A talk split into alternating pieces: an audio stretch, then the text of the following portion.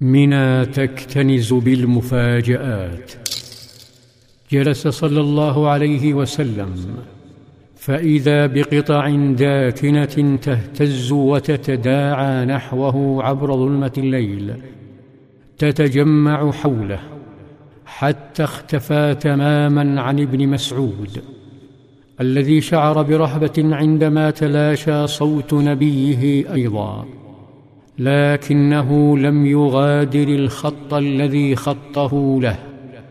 ولما بدأت خطوط الفجر تتسلل في الأفق شق عليه السلام جدار الجن وذهب بعيدا حتى اختفى.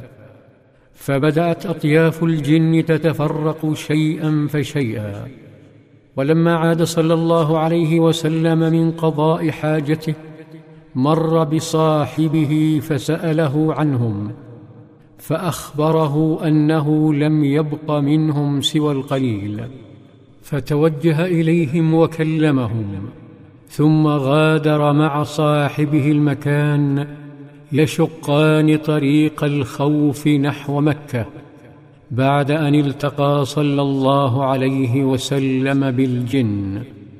لكن الله لم يأمره بالاعتماد عليهم ولم يأمره بالخوف منهم ولم يطلب صلى الله عليه وسلم من أصحابه التواصل معهم رغم أنه أخبرهم بأن منهم إخوة لهم في الإسلام فلهم عالم وللجن عالم آخر. ولا تأثير لشياطينهم على من يحصن نفسه بذكر الله. ومرت الأيام فأقبلت أشهر الحج وتناثرت خيام العرب على أرض منى. فقصدها صلى الله عليه وسلم ليجد لغة أخرى لم يعهدها ووجوها أكثر بشرا عام مختلف. وأيامه استثنائية. لم يحضره أبو لهب ولا أبو جهل. ربما أخافتهما دعوته. وفيه قابل صلى الله عليه وسلم رجلا من همدان. فرحب به الهمداني وأنصت باهتمام لما يقول. وتحمس لنصرته. فسأله صلى الله عليه وسلم سؤال من يبني دولته بالسلم لا بالعنف برضا أهلها لا بقمعهم بتأييدهم لا بمخاتلتهم وغشهم. فقد كان بإمكانه أن يقيم دولة صورية في مكة تحت رعاية الأصنام وطواغيتها.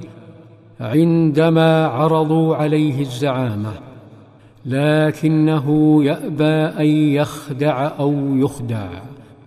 لذا سأل الهمداني فقال هل عند قومك من منعه فقال نعم. ثم انطلق الرجل لكنه عاد بعد قليل ليشترط موافقة قومه. ثم يعود في العام القادم ليخبره بالنتيجة. ودعه صلى الله عليه وسلم وانطلق مع أبي بكر وعلي رضي الله عنهما إلى خيام تنضح بالأدب وحسن الاستقبال. خيام تسفر عن أروع ما في القبيلة من قيم وجمال. حل صلى الله عليه وسلم ضيفا على خيام بني شيبان بن ثعلبة الذين يسكنون جوار دولة فارس فأثنى أبو بكر عليهم وقال لنبيه صلى الله عليه وسلم بأبي أنت وأمي هؤلاء غرر الناس. بعدها جرى حوار أداره أبو بكر. حوار معطر بالحكمة ولين الكلام. حوار جميل. مع قوم أثاروا إعجاب النبي صلى الله عليه وسلم. فهل ستقام أول دولة إسلامية على أرض دجلة والفرات؟ في ظلال في